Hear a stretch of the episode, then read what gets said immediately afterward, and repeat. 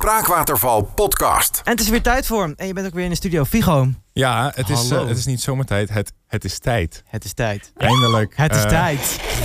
Eindelijk. de fans gaan los in de studio. Er is eh, vaak naar gerefereerd, eh, meermaals door mijzelf eigenlijk. Ehm, maar eh, ja, Jutta Leerdam, dat is het onderwerp van de column van deze week. Ik ben heel benieuwd. ik, ik, ik kan er niks aan doen, maar ik heb wel het idee alsof het 5 december is en Sinterklaas komt langs, zeg maar. Dus, eh, Ehm, een van mijn favoriete bekende Nederlanders is Wim Kieft.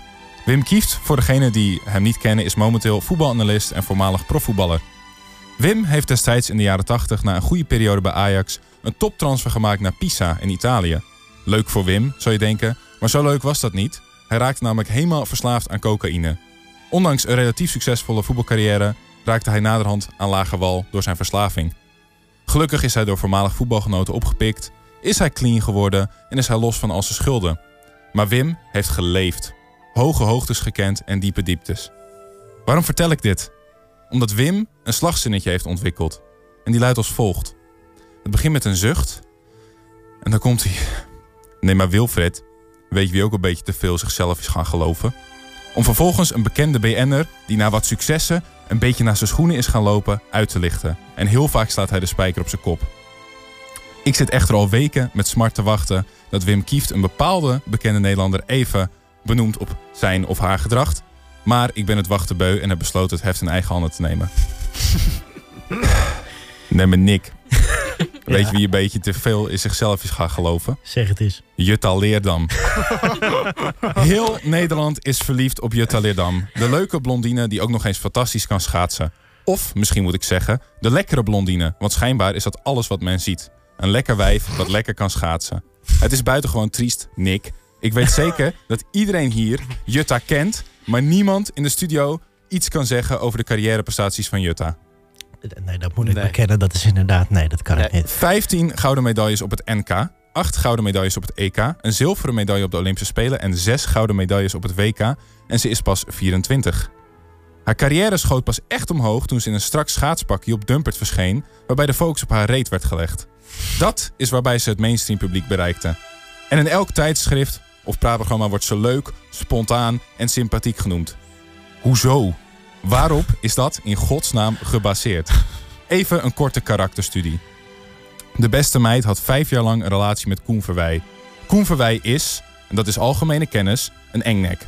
Dat weet iedereen. Dat bedoel ik verder niet lullig richting Koen. Maar hij is gewoon een beetje een enge, narcistische, arrogante kwal.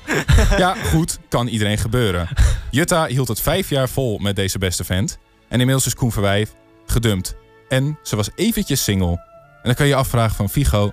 wat heeft die arme meid nou echt misdaan... dat jij zo kwaad op haar bent? Ze is tenslotte niet de eerste Nederlandse dame... die haar uiterlijk gebruikt om bekendheid te krijgen. En dat klopt. Maar echter heeft ze één ding geflikt... waarvoor ik haar nooit kan vergeven. Redelijk recent plaatste Jake Paul de tekst... I'm Dutch now... waarop gelukkig nog een paar tot redenvatbare Nederlanders reageren met de tekst... We don't want you, go to Germany. Jake Paul is de meest bekende functionerende sociopaat in de hedendaagse tijd. Als er een engnek competitie zou zijn, dan is Koen Verwij NAC Breda en Jake Paul Real Madrid. En Jutta is smoorverliefd.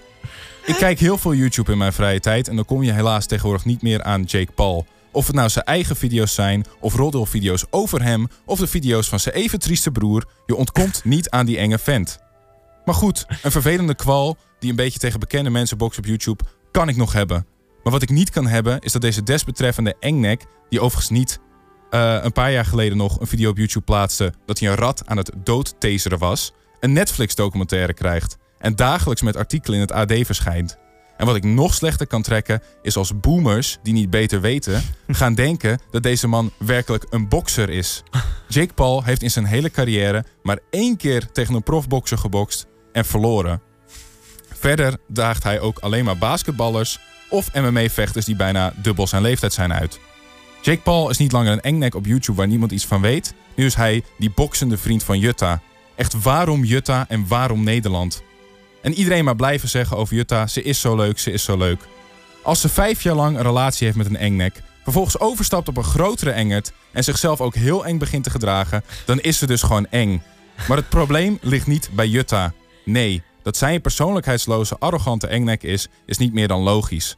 Als ik in mijn jeugd tot de top behoorde van een grote internationale sport en ook nog eens zeer aantrekkelijk en populair was, dan had ik ook nooit mijn best gedaan om een persoonlijkheid te ontwikkelen.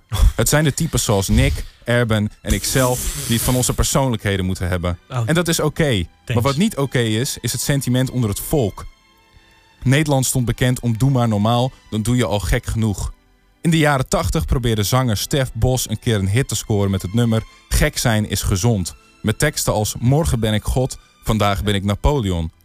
Dat moesten wij niet hebben. We hadden liever dat hij zong over papa, ik lijk steeds meer op jou, want papa was normaal en wij ook. Ergens over de tijd is gebleken dat wij niet langer genieten van normaal doen. Jutta kan namelijk gewoon normaal schaatsen, normaal medailles winnen, maar blijkbaar is dit te saai. Blijkbaar moet ze een dikke reet hebben, strakke pakjes dragen, psychopaten daten en op hullende video's en foto's plaatsen om het stempel Jutta is leuk te krijgen. Maar Jutta is helemaal niet leuk. Jutta gelooft een beetje te veel in Jutta en is vooral heel eng. En wij, de hersenloze scrollende hompen vlees, zijn vooral diep, diep triest. Jezus. Club to Date. Elke woensdagavond tussen 7 en 9. Op Meer Radio.